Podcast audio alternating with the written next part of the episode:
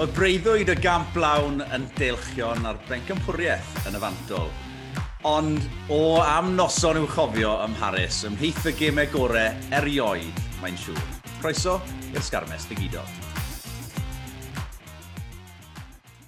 Wel, Nigel a Eleanor, na greu ni ffwdani gyda'r small talk um, heddi. Sa'n sa gwybod amdano chi, ond fi wedi torri'n halon. Eleanor, os allai roi mewn i eiriau union sy'n ti'n teimlo ar y funud. Ie, yeah, fi'n cytuno, ond ar yr un bryd fi'n fi really, really falch o'r perfformiad nath Cymru roi mewn yn, yn ymosod. Ond nhw'n anhygoel, dyna'r gorau fi wedi gweld nhw'n ymosod mewn amser hir iawn.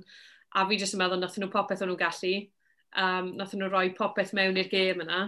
Um, so ti'n lli gofyn am, am mwy na hwnna fel, fel cefnogwr yn, yn, yn gwylio ti'n methu gofyn am mwy, so ie, yeah, fi jyst yn teimlo, jyst fel a fi'n meddwl, fi jyst yn really, really edrych ymlaen i weld ble mae'r Cymru yma'n gallu mynd nawr yn y dyfodol. Wel, na, mae'n rhaid i fi gytuno gyda ti, oedd e'n berfformiad a hanner. Fi'n credu yngheiriau Carol Parry Jones, byddwn ni'n gweud, oedd e'n roller coaster emotional, Nigel, um, oedd hi'n gêm a hanner.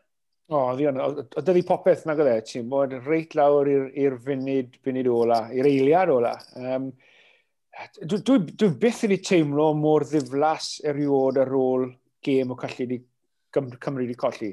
Wy wir, dwi byth wedi teimlo fel yna blaen. Dwi wastad yn teimlo law yn ddiflas am y colli, Cymru'n colli, ond, ond dim fel o'n eitho. Y ffaith bod ni mor, mor agos, wedi bod mor, mor anlwcus, cwpl o benderfyniadau, fi'n credu byddai wedi'n gwneud gwaniaeth, fi'n credu hefyd. Ti'n bod, wedyn ni'n trafod yn ysmlaen, mi'n siŵr, ond ti'n bod am, am, am y caeth cosp dyle wedi bod yn sydyn iawn wedyn, ti wedi lle bod ti 30 pwynt i 20 lan, ni ti 35 pwynt, neu 34 pwynt i 20 lan. Mae'n lot o waniaeth ti'n bod, ond na, oedd hi'n oedd hi'n un o'r, un o'r, gome, un o'r gemau gorau sydd wedi bod ers, ers spel fach yn, yn, yn, y, yn y chwe glad. Um, a fel oedd Elin yn gweud yna, mae'n mynd i fod yn ddiddorol nawr, ti'n bod, i weld fel bydd Cymru'n ymateb, a bydd nhw'n, ti'n bod, yn symud mlaen ac, ac yn gwella, yn dod yn, mwy hyderus ac, ac ennill camp lawn to, neu ti bod yn, yn llwyddiannus am flynyddoedd ddod, neu ar y hwn ni'n mynd i fwrw i stwffyn o mas, a, a ti'n bod yn goffod ail, ail ddechrau to mewn, mewn ffordd. Bydde by, e, e yn ddiddorol, wy'n gobeithio taw, ti'n bod symud mlaen, mynd o'n neud, gobeithio ni, ond uh, oedd hon yn affach o, o, o glatio nhw fi'n credu. O, ti'n fi, fi gyda ti, o'n i'n mwyn siwr siwt i deimlo ar ben y diwedd. O'n i wedi busoddi gymaint o egni, oedd e bron, e bron fel bod chwarae'r gêm yna gyda nhw yn yr ystafell fyw. Sa'n so gallu dychmygu pa mor flynedig oedd y chwaraewyr yna um, erbyn y diwedd. Um, ymateb Wayne Pifac yn rhaid cyfweliad wedi'r gêm, oedd e'n teimlo yn nym oedd y gair Saesneg, yn, yn ddi-deimlad, um, Eleanor a ti'n gallu deall pam. Ie, yeah, oedd na na, gormod o bethau i feddwl am i, i, i teimlo yn y gêm na, ond oedd e, oedd fel wedodd Nigel, oedd na, popeth yn y gêm na rhwng ceisiadau o ddim wedi cael ei rhoi i rai gath ei rhoi i tywa, ciciau gosh, cerdiau coch, cerdiau melyn. Oedd e just dros y lle i gyd. Oedd na gymaint o digwyddiadau yn y gêm, gallu di gweud bod yna'n match defining moment. Mm. Oedd na gymaint o nhw yn y gêm, fel arfer ti'n cael falle dau neu tri o nhw. Oedd na tua wyth o nhw. So mae'n anodd gwybod beth i ffocysu ar a, a beth i feddwl am. Ie, yeah, ewn ni mewn i falle rhai o'r prif moments yna uh, nes ymlaen, ond be lycswn ni'n neud yw canolbwyntio ar y deg munud ola. Neud e falle um, sianol rhywfaint. Um, y garden goch yna, Nigel, i flem, so ddim unrhyw far cwestiwn dros, uh, dros y drosedd um, na gathau e ei ddelio gyda yn arbennig o dda. Bryd hynny, o'ch chi'n teimlo bod Cymru yn y sedd yri, ond beath o hwyth wyt ti'n teimlo i Gymru yn y deg munud diwetha yna? Dyna, dyna le gollwyd y gêm yn fe? Ie, yeah, ti'n bod, siarad am, am, am pifac wedi wneud yr elyddion ar yr amser iawn, dwi ddim coet yn siŵr falle, ti'n bod yr arno a sidi a bethach, ti'n bod cael y bel, cico, dim ffind o'r yslus. Cwpl o eilyddio fi'n credu, oedd, a oedd, oedd eisiau neud nhw per ni, ti'n gwybod, o'n i'n rheoli'r gêm, ti'n bod a bigger arno yn reoli pethach, profiadol, ti'n bod, dim ond un peth o Cymru mynd i wneud sy'n nhw'n cael cic osb lawr yn hanner Ffrainc, oedd oedd e'n mynd am 3 pwynt fi'n credu, ti'n gwybod, i, i, i gyr y gêm mas. Felly, e, fi'n credu nath hwnna bach o, o, o waniaeth fi'n credu, ti'n bod, pan dath si di arno, gofod e'n gwneud cwpl o pethach a rithro pethach, lle oedd eisiau bach fwy o hen ben, felly, ti'n gwybod fyna. Uh, John Davies wedi mynd off, ti'n gwybod, ie, fi'n gwybod ddim wedi wario lot o rygbi, ond ar han yn amddiffynol, dath Halaholo arno, roi kick-off cic gos bant eitha syth, a wedyn ti'n bod pan yn ymddiffyn reit ar y diwedd, ddim yn rhedeg gros i ymddiffyn mas uh, ar yr asgell lle nath Frank i sgori. Felly, y pethach bach na fi'n credu yn ei gwaniad, a, a bob clod i Frank hefyd, yn, dod i, yn cymryd y cyfleoedd na a dod i Cymru dan bwysau. Ti'n bod ni lawr pan ni i 3 ddyn ar ddeg er fi'n credu oedd, oedd, oedd Liam Williams yn anffodus iawn i gael y galden fel yna, ond o'n i jyst yn methu gweld beth nath e'n anghywir, ti fod, i, i fod yn onest. Oedd e ar ei drad, taclodd e Dupont. Um, Dwi'n dwi, dwi credu oedd Cicos mewn hall, dim sôn am, am Garden Felen. Felly, hwnna i gyd fi'n credu wedyn, ti fod ar pwysau yn, yn y cwpl o'r munud o lan, a fi'n credu nath y gwaniaeth wedyn. Ni wedi bod yn canmol um, disgyblaeth Cymru yn dyn ni, um, Elinor, drwy'r gystadleuaeth yma, ond na, dyna beth y gwyddodd, yr holl bwysau yna gan Ffrainc tuag at ddiwedd y gêm yna, pob peth yn un yn adio at y, at y llall a yn y pen draw, a Luke Pearce yn, uh, yn, uh, yn colli ymynedd gyda Boes Cymru. Chi'n rhoi cicio gosbi ffwrdd pryd chi wedi blino, um, neu pryd chi o dan llwyth o bwysau, a fi'n meddwl oedd, oedd Cymru o dan y ddoi. Um, fi'n meddwl o'n nhw wedi blino bach mwy achos uh, y tacteg nhw yn, yn enwedig yn y hanner cyntaf oedd i cicio a cadw'r bel mewn. So mae hwnna'n meddwl bod rhaid nhw cyfro lot o lot o'r cae yn amddiffyn, gorfod gweithio o gwmpas hwnna. So o'n nhw wedi gwneud lot o rhedeg um, cyn ni. I fi, ti'n fi'n cytuno, fi'n meddwl bod kick-gosp Liam Williams yn, yn garden na'n kick-gosp, nath e taclo fe, a oedd e ei ar, ar ei drad, fi'n meddwl nath e'n anhygoel fyna, ond fi'n meddwl, oherwydd bod Cymru wedi rhoi gymaint o kick-gosp cyn ni, oedd e jyst yn, ti'n bod, oedd e jyst y peth ola nath jyst i fi dyle fe ddim fod wedi bod, ond falle dyle Cymru ddim fod wedi bod yn meddwl y dyfarnwr fel yna cyn ni trwy'r ciciau gos bod nhw wedi rhoi mlaen uh, i ffwrdd cyn ni. Ie, ond well, e, nôl at yr eilyddio nath, nath Nigel sôn amdano nhw fyna, ni di, eto, canmol pifac, mae wedi wneud penderfyniadau mawr, dewr, a maen nhw wedi talu ffordd iddo fe uh, yn y gystadleuaeth, ond fi yn ymhenni, ambell i newid fi'n deall, ond bigger, oedd e ar un o'r diwrnodau yna, oedd just popeth yn mynd yn iawn iddo fe. Dwi ti ddim yn tynnu'r chwaraewr gorau ar y cael bant, yn wedig rhywun mor brofiadol a mor dylanwadol a Dan Bigger, Elinor. Na, ti ddim yn... A, tiwa, fel, fel maswr, ti yw, ti yw calon y tîm, ti yw, ti yw um, neud, tiwod, ti sy'n rheoli popeth maen nhw'n neud a'r, a, ar ffordd maen nhw'n teimlo a ti lli cael dylanwad mawr ar y tîm. A mae Bigger, tiwod, pa mor profiadol yw e, mae fe'n un o'r eina.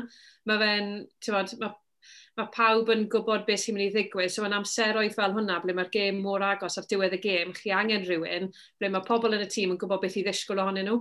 Tewa, maen nhw'n gwybod, mae fe'n mynd i ysyn y poced, mae'n mynd i cico fe mas, neu, neu beth bynnag.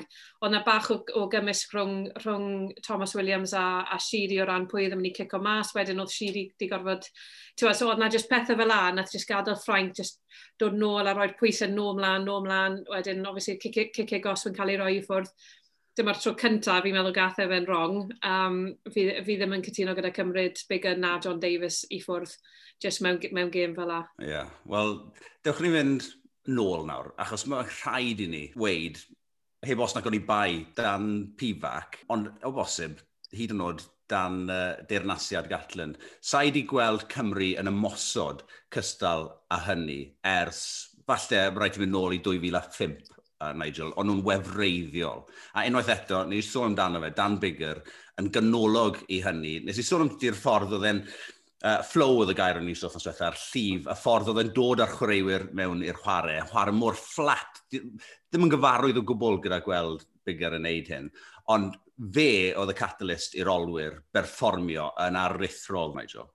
Oedd, ti'n iawn, a ti'n fi'n credu mae hwnna rhywbeth, fi'n credu mae Cymru wedi, wedi bod yn adeiladu arno bob sesiwn ymarfer, bob gêm, a ti'n bod wedi, wedi adeiladu na lan fel oedd Pifac yn ei gyda Sgales, nath e Gymru rhyw dymor efe yn y Sgales cyn bod e'n cael ei steil a'i stampu ar y gêm, a'r un peth wedi digwydd, digwydd fan hyn nawr. A hefyd, ti'n bod e yn ware erbyn tîm fel y Ffrainc sydd sy, yn hoffi ware rygbi hunan hefyd, felly um, ie, yeah, ti'n iawn, dwi ddim wedi gweld nhw'n ymosod gymaint mewn, mewn, mewn gêm fel yna, ond dyna'r taip o, o, o gêm oedd hi. Oedd hi'n neis i weld nhw ware beth oedd ei blaen nhw, ti'n gwybod, el oedd yna strwythyr yn y gêm, wrth gwrs oedd y tactegau gyda nhw, ond nhw hefyd yn cymryd y cyfleoedd na, fi'n credu pan gyda ti pobl fel Josh Adams a, a Rhys Samit a'r rasgell, bod George North yn, yn wario yn ddan o'r yn grif yn, yn, y canol, neu Liam Williams o'r cefnwr, mae gyda ti olwyr sy'n gallu ymosod, felly mae rhaid i ti ware i'w cryfderau nhw.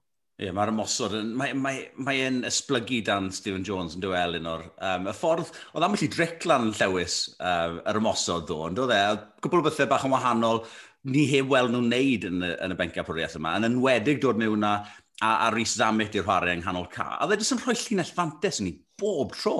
Oedd, a na rhywbeth ni ddim wedi gweld Cymru'n neud dros y blynyddoedd diwetha yw, yw ti'n modd, ymosod o'r safle um, gosod fel a, ti'n bod, fel training ground move maen nhw'n galw e, ti'n bod, a maen nhw'n gwybod, pawb yn gwybod yn union beth maen nhw'n neud, maen nhw wedi neud e um, i, ti'n bod, targedu yn union siwt mae Frank yn um, amddiffyn, a i fi, maen hwnna'n rhywbeth mae'n ma, ma, ma amlwg mae Stephen Jones i dod mewn, a mae fe'n gret, ti'n bod, mae cael Rhys Amit yn cario, mae, ma, oedd pawb, oedd yr olwyr, pryd ti'n meddwl, rhaid, ni'n mynd i chwarae Frank, ti'n meddwl, oce, okay, mae rhaid ma raid i'r blaenwyr ffrontio lan yn erbyn pac nhw, achos mae pac nhw'n hiwd. So ti'n meddwl, oce, okay, mae rhaid ma raid ni adael nhw wneud hwnna cyn i ni fynd i'r olwyr, neu ti'n meddwl, o, ni'n mynd i cicio rown nhw. Nath nhw ddim hwnna, nath, nhw, nath pawb, un i bymtheg, just cario at y llinell yn gryf a, gad, a ti'n rac ar ôl rac, cadw'r bil, smash o rugs, na, na beth oedd yn wahanol, fi roi i gweld Cymru chwarae fel ar blaen, a mae fe'n ffordd wahanol o chwarae yn erbyn Ffrainc, a nath e weithio. Do, nath e weithio, fel soni i fyna, y cywirdeb, oedd pryn oedd y, oedd y, oedd y camgymeriadau yn, yn yr hanner cyntaf yna, oedd y passes yn stico, ond nhw'n chwarae, a hefyd, ond nhw'n chwarae mor fflat at lein am ddiffynol uh, y Ffrainc, mae allu gweithredu passes mor agos at lein am ddiffynol o hynny, mor anodd.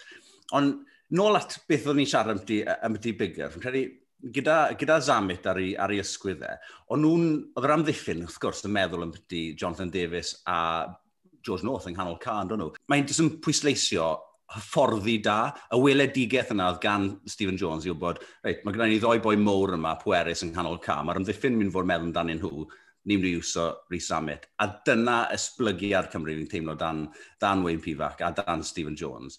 A fi mor, mor gyffroes am, uh, am y dyfodol. Dewch ni edrych ar rhai o'r penderfyniadau mawr.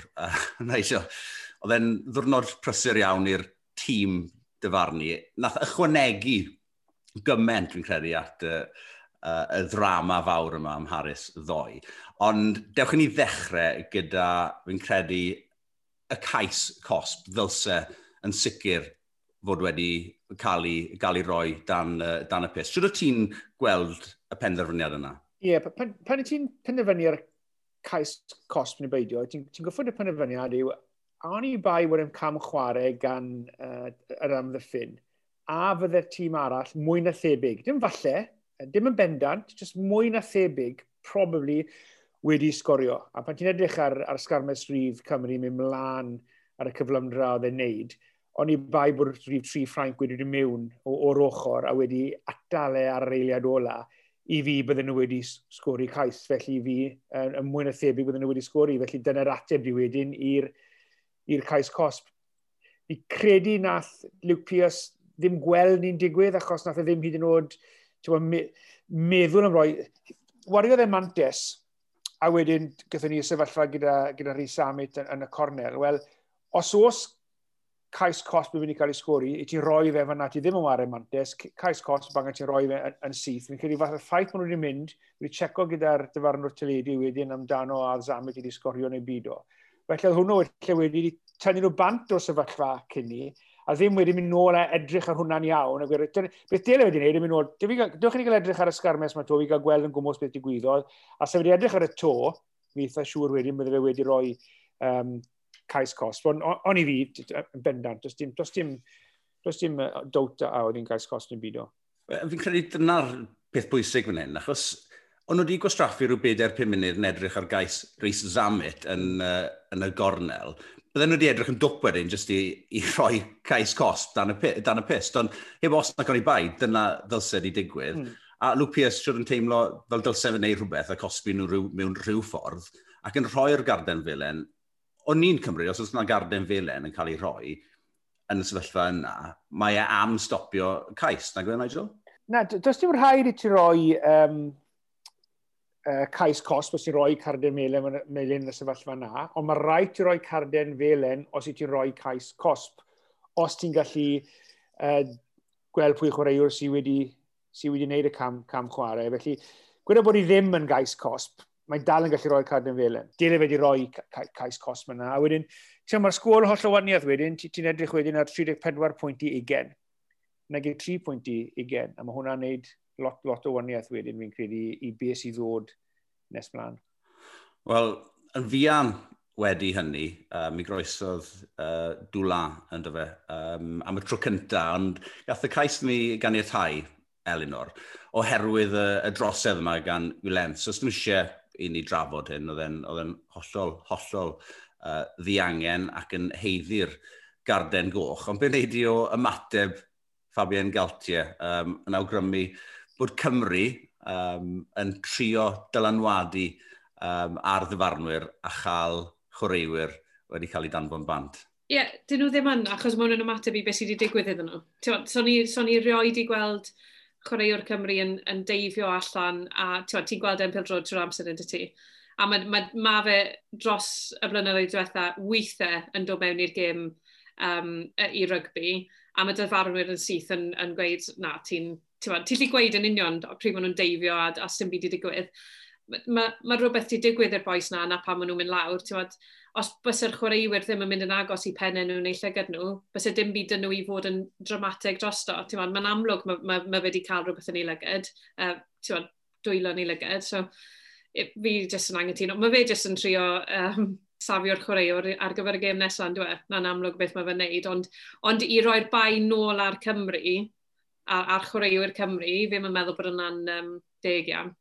Yeah. Wel, chymod be, ni wedi bod yn siarad nawr ys 10 munud chwarter awr, a ni wedi bod yn canmol Cymru, a ni lle'n teimlo bach yn, bach yn flin uh, bod penderfyniadau wedi mynd yn yn herbyn ni. Ond ar ddiwedd y dydd, Nigel, oedd dal angen i Frank mynd mas a ennill y gêm yna, a, a mi nilo nhw, mi ddangoson nhw, mi godon nhw'r gêm yn do fe, mm. wedi'r carden coch yna i Felens, mi jyst codon nhw i safonau nhw, um, y dwysedd o'n nhw'n chwarae gyda, a falle yn, yn heiddi uh, y fuddigoliaeth yn y diwedd oherwydd hynny.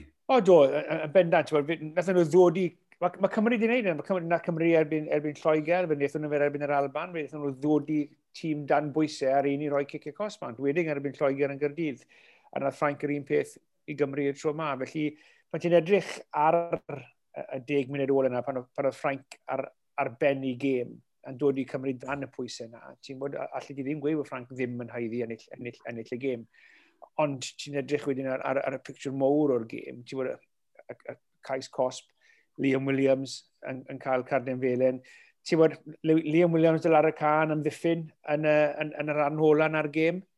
Bod, gallai fe ddim yn gros, welle, welle wedi, wedi adael y cais. So, so, mae ma, pethach fel yna yn, yn, neud, yn neud gwaniau, ti'n bod. A, A ti'n bod, ddele Cymru wedi rheoli pan geithon nhw'r mantis am Ffrainc yn bwrw bel mlaen ar yw munud y hanner i fynd. Dele nhw wedi rheoli hwnna'n well i fi. Wedi, ar ôl dau ryc, dele nhw wedyn wedi dim wario'r bel, gofyn am sgrym, cael sgrym, fe hwnna wedi, wedi, wedi bita mewn wedyn i'r amser oedd i ddod. I fod yn onest, o'n i'n teimlo bod y cic osb yn erbyn nhw ar, ar y diwedd yn, yn bach yn hall, o'n i'n meddwl, yn moffi trad o'n nhw off i trad sbon, wnaethon nhw nôl ar y trad yn eitha cyflym. Alla garantio ti sydd wedi'n edrych ar y gêm na nôl to, alla ti ffindo 4 neu 5 sefyllfa fel la yn digwydd yn, yn y gêm gath i mi ddim i gosbi. Felly, dwi'n cysondeb falle, bydd arall falle fyna. So, o'n i yn anlwcus, mae'n rhaid i weid. Frank yn haeddiannol, falle y diwedd, falle o'n nhw, ond a ffach o'n i yn anlwcus iawn. Nigel, nawr bod ti'n cefnogwr, ti'n ti gallu gweld sydd o'n ni arfer teimlo fel, fel chwaraewr, um, pan o ti'n rhoi'r holl benderfyniadau anghywir yn erbyn, uh, yn erbyn fi, yn rhaid ti? Ti'n ti gallu cydymdeimlo o'r diwedd? Ie, yes, mae'n bistol. Mae'n sa'n cofio fi'n neud camgymeriad anghywir. Na, chyfo, lefel y, y pwysau ar Luke Pierce, ddo. Yn, o, o, mae rhaid, o, mae rhaid, o canmol o'n fynd nhw... O, mae rhaid i ti. O, o'n fynd nhw rhan fwyaf penderfyniadau mawr yn, yn iawn, dan bwysau, enfawr. Ar, a y stael oedd yn dyfarnu a'n gadael ei gêm i llifo.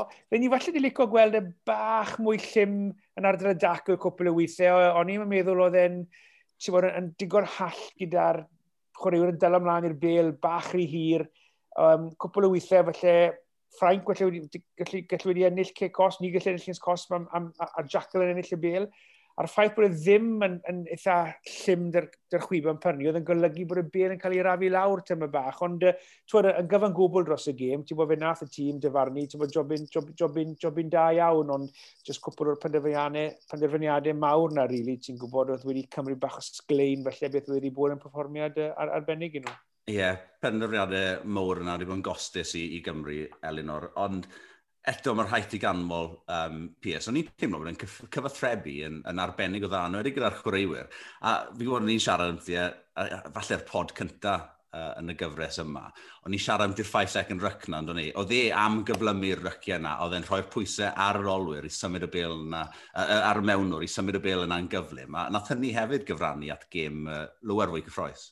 Ie, yeah, oedd yna'n gret, achos oedd e ddim yn aros 3-4 eiliad i, i alw um, use it, ti'n gwybod, a wedyn mae dyn nhw pimp eiliad ar ôl hynna, oedd e'n galw yn syth. Um, so wedyn oedd mond pimp eiliad gyda nhw, a oedd e hyd yn oed yn gweud, ti'n gwybod, yeah, hurry up, hurry up. O'n on, on i'n really hoffi just ffordd e. oedd e. Oedd e'n, ti'n oedd e'n really relaxed, oedd e'n gwenu, oedd e'n gallu cael, oedd e'n gallu siarad â'r chwaraewyr a pryd mae dyfar, dyfarnwr fel yna, mae yna ma gymaint fwy o parch at nhw, ti'n pryd maen nhw'n gallu cael Mod, pryd maen nhw'n lli just siarad â'r chwaraewyr, pryd maen nhw'n rhai dyfarnwyr jyst ddim moyn gwrando dim byd chi'n gweud a maen nhw'n teimlo really fel a, ond pryd, pryd maen nhw'n dangos bach o personoliaeth a maen nhw'n relaxed, mae'r ma, ma gêm yn llifo lot well. Diw'r freuddwyd am y bencampwriaeth ddim drosodd, wrth gwrs, mae gêm wrth gefen gan Ffrainc yn erbyn yr Alban os wyner, a um, jyst i atgoffa y grandawyr beth sy'n angen digwydd fyna, mae angen i, i Ffrainc ennill y gêm gyda phwynt bonus. Mae, mae angen i'r bwlch rhwng y, rhwng y tîm yma fod yn, uh, yn ragor na un ar hugen o bwyntiau. So, mae rhaid i Frank i fyddi yr Alban gyda fwy na 21 pwynt o haniaeth yn y sgôr. So, os y sgôr yn bennu 40 pwynt i 30, Dwi e ddim yn digon. Dwi e ddim yn digon. Cymru sy'n cael y ben gymphwriaeth wedyn. Bach mwy anodd e, e? os ydw e. Os nhw'n sgorio 20 o bwyntiau, yna bydd y gwahaniaeth pwyntiau ar un peth a mynd o'r lawr i, i geisiau wedyn. Eto, mae'n credu bod angen i Frank sgorio um, chwech neu saith cais uh, yn erbyn um, yr Albans. Mae yna gobeith e, mae yna gobeith. So, mae, mae dal yn edrych yn addawol i Gymru am, am y ben campwriaeth, ond, ond Elinor, dyw e ddim wedi teimlo'r un peth. Um, mae e hollan allan o ddwylo Cymru nawr. A mae'n mynd i fod yn wythnos nerfus falle i'r garfan um, yn aros i, i wylio'r gêm yna nos Wener. Ydy, ond ar yr un pryd, fi'n meddwl bod y garfan yma'n barnu ei hun ar ei perfformiadau yn lle beth sy'n ar papur. Tewn, na, na beth mae fe'n swnio fel. Um, maen nhw jyst wedi bod yn canolbwyntio ar siwp maen nhw'n chwarae a beth sy'n digwydd yn y gêm. Um, i fi mae fe'n boost mawr bod um, yr Alban gyda chwaraewyr nhw sy'n chwarae'r Lloegr, maen nhw'n nhw gallu chwarae nawr a maen nhw'n mynd i fod yn hywd. Os allan nhw gael ffyn Russell nôl, um, fi'n gwybod bod e'n mas da concussion ar y foment, yn diwedd, os mae fe'n gallu bod nôl, um, a allan nhw symud hog nôl i, i cefnwr, hefyd gallwn na fod yn boost. Ond y peth mwyaf sy'n mynd i fynd iddyn nhw yw mae Cymru wedi dangos iddyn nhw yn union siwt i chwarae yn erbyn Ffrainc, i allu sgorio ceis, ceisiau yn erbyn Ffrainc. Dwi, dwi, dwi ddim yn gweld Racing Metro yn gadael Finn Russell i wario i'r rhywbeth. Mae na'n bwynt dilys iawn. Sy'n ni syni, syne ni, syne ni sy'n nhw'n. Mae Ffrancwyr y benni hunain mae'n dweud bydda hwyl. O, dim, mae hwnnw ti'n gwybod. Wrth gwrs mae'r gêm mae'n cwmpo ti allan i, i calendar y uh, gemau rhyngladol World Rugby. Felly, falle bydden ni'n dychmygu bod yr Alban yn gallu mynd at World Rugby a cael rhyw fath o um, yeah, pers dwi'n perswad arnyn nhw bod rhaid i nhw rhyddhau ffyn ryso. Byddai'n anheg ofnadw. Dim bai i'r Alban yw e, uh, chwaraewyr Ffrainc wrth gwrs nath fethu'r uh, prawf Covid yna chydig wythnosau yn ôl. Um, oedd yn golygu bod rhaid ail drefnu'r gêm yma. Ond Ta beth, dewch i ni droi'n golygon ni nôl at Gymru nawr, a mae angen crynhoi yn gloi nawr, y bencampwriaeth. Elinor, fi'n credu bod pifac a'r tîm hyfforddi erbyn hyn wedi tywelu'r amheiwyr, oedd digon ohonyn nhw'n ôl yn hydred, oedd e? Do, bendant. Maen nhw wedi gwneud e trwy gwella'r safle gosod, yr lein yn, be, yn benodol, um, ardal y dacl hefyd. Tywed, heb hwnna, o'n nhw methu, o dim pwynt gwybod siwt o'n nhw moyn ymosod, achos o'n nhw, oedd nhw ddim y pel i wneud ni. Um, am ddiffyn hefyd, maen nhw wedi gwella lot ar. So maen nhw wedi gwella pob ardal o'r gêm sy'n galluogi iddyn nhw wedyn ymosod fel maen nhw moyn ymosod. A, a ni wedi gweld, tywed, um, ddoi a ffordd maen nhw moyn ymosod. Ond hefyd be fi'n meddwl ni wedi gweld yw amrywiaeth.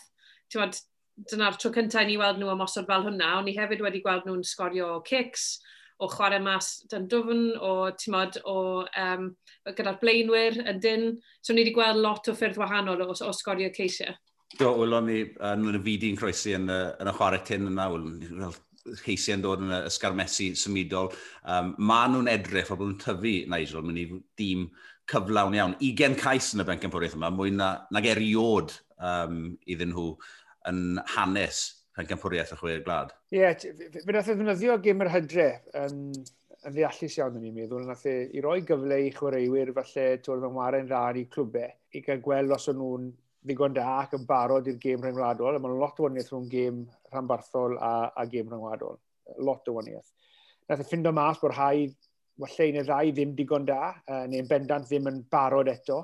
A nath y ffindo mas am yr un y ddoi fel Rhys Samit, um, uh, Ciren Hardy, oedd yn barod, a wedyn dwi'n mewn yn nhw wedyn i'r gyrfa, dwi'n mewn yn nhw i'r tîm, lle oedd gyda fe'r asgwr cefna, ti'n bod pobl Ken Owens yn, yn dynol, Alwyn Jones yn dyn ôl, John Fox yn dyn ôl, bod, um, uh, George North yn dyn ôl i ware fel i ni'n gyfarwydd a fe'n ware, ti'n bod ddim yn ware castel os y flwyddyn y ddwy diwethaf, felly fe'n dyn ôl nawr ar ei orau. Felly, oedd gyda fe'r asgwrn cefen wedyn a'r profiad, Liam Williams yn ôl o anaf, Wyn Jones yn ôl anaf yn waren ddas, Fala Town yn ôl i waren ddas. So, chwaraewyr i gyd i nawr yn dyn ôl i, i waren ddas yr amser iawn, yn gallu dy mewn wedyn a Shidi off y faint yn mewn yr e-summit i ddechrau gêm, cyr yn had i ddechrau gêm. Felly mae wedi gwneud na yn, glefer iawn. A, a efo fi'n credu, yn byd yngofio, yngofio effaith fi'n credu, Stephen Jones fi'n credu hefyd, ti'n gwybod, wedi yn y, y ffordd mae Cymru yn, yn, yn ware ar, ar y foment. Felly, um, ti'n bod, na, a mi'n falch iawn dros nhw gyd fel, ti'n bod, fel tîm o fforddi a, a, a, a, fel, a fel carfan i wedi gwir. Ne, Elinor, mae wedi meithrin y, y dyfnder yna, yn dweud? uh, dros y flwyddyn yma mae e wedi bod wrth y lliw. Um, a be fi licio yw bod e yn fodlon wneud y penderfyniadau mawr yma, mae'n mae fodlon gollwng y chwaraewyr mawr, falle rhywbeth nad oedd uh, y gatlen yn rhy parod i wneud. Ond beth mae e'n golygu yw bod chwaraewyr sy'n yn meddiannu'r Cris yna ar y funud, yn gwybod bod rhaid nhw codi gêm nhw a, a gwella er mwyn cadw'r Cris yna. Ond mae hefyd yn neud, yn rhoi gobeith, yn rhoi'r llygedyn obeth i'r chwaraewyr yna sy'n ar y cyrion. Os i ni'n chwarae'n dda, mi gewn ni gyfle. Mae yna gystadleuaeth o'r diwedd. Ie, yeah, yn bendant, a fi'n meddwl ni wedi gweld effaith uh, mae cael cystadleuaeth yn, uh, di cael ar dan bigger dros y tournament, ti'n wad? Mm. Fel mae wedi tyfu pob gêm, yn enwedig ar ôl i si di dod mlaen a chwarae mor dda yn erbyn Lloegr.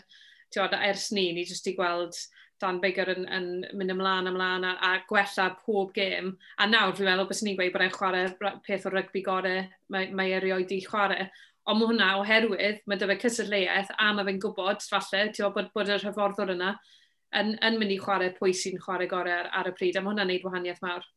Ond siarad am y chwaraewr gorau, fi eisiau clywed wrthoch chi, mae rhaid i chi ddewis un chwaraewr o garfan Cymru sydd wedi dal y llygad yn fwy na neb arall i chi yn y bencampwriaeth yma. Ewn i mlaen i siarad falle wedi rhai o'r chwaraewyr fydd yn mynd ar daith y llewr. Ond pwy yw'r un unigolyn sydd wedi uh, eich plesio chi mwyaf, Nigel?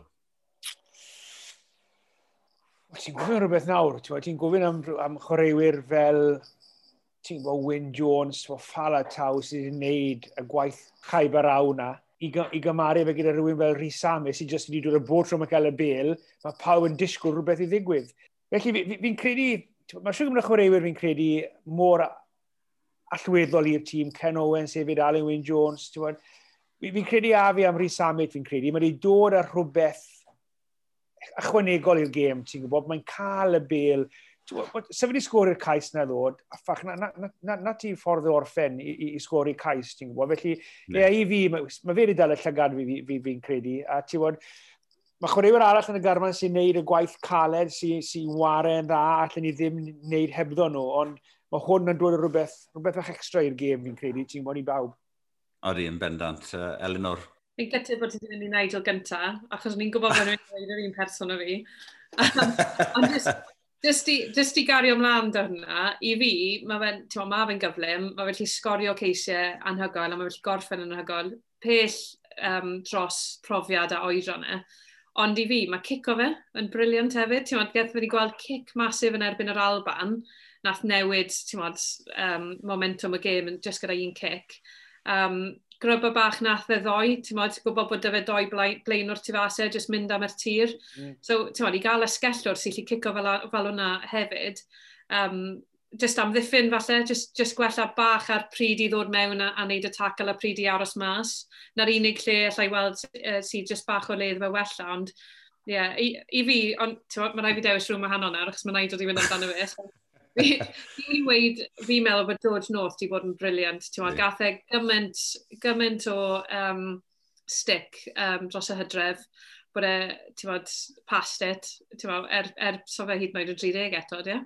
Sa'n meddwl. Na, na. Ond, ti'n bod, y ffaith bod e'n chwarae mewn safle, ie, yeah, y ffaith bod e'n chwarae mewn safle newydd, mae cael fe yn, yn y safle yna yn creu'r gwagle i, i Liam Williams, Josh Adams a Rhys Samet, achos mae rhaid i tîm oedd am ddiffyn e. Um, a ti'n meddwl, pryd ti angen rhywun jyst i, i fynd ar bel mlaen, mae fe na e i wneud e chi. Ie, yn bendant, mae wedi cael um, chwa o um, adfywiad yng nghanol ca i, i Gymru yn, yn sicr. Um, a gobeithio bydd e'n gallu parhau i, i berfformio ar y lefel yna am, am flynyddoedd i ddod fel, fel sonias ti, mae e dal yn ei geiniau, mae'n mae, mae frawychus y gwir tydi. Um, felly, na, mae'n sicr yn argoelyn dda. Fi'n mynd i ddewis rhywun. Fi'n fi credu, mae rhwng dau chreuwr i fi. Dau chreuwr oedd ar goll yn, yn, yn yr hydre, yn yr ymgyrch yna, yn ystod yr hydre, ond sydd wedi dod nôl a creu argraff arithrol i fi. Uh, Ken Owens a Josh Navidi, mae nhw wedi trawsnewid y pac yna i fi. Mae'r leiniau uh, yn gweithio yn eitha rhagor. Diolch i, uh, diolch i Ken. Um, o gwmpas y ca, mae'n cynnig gymaint.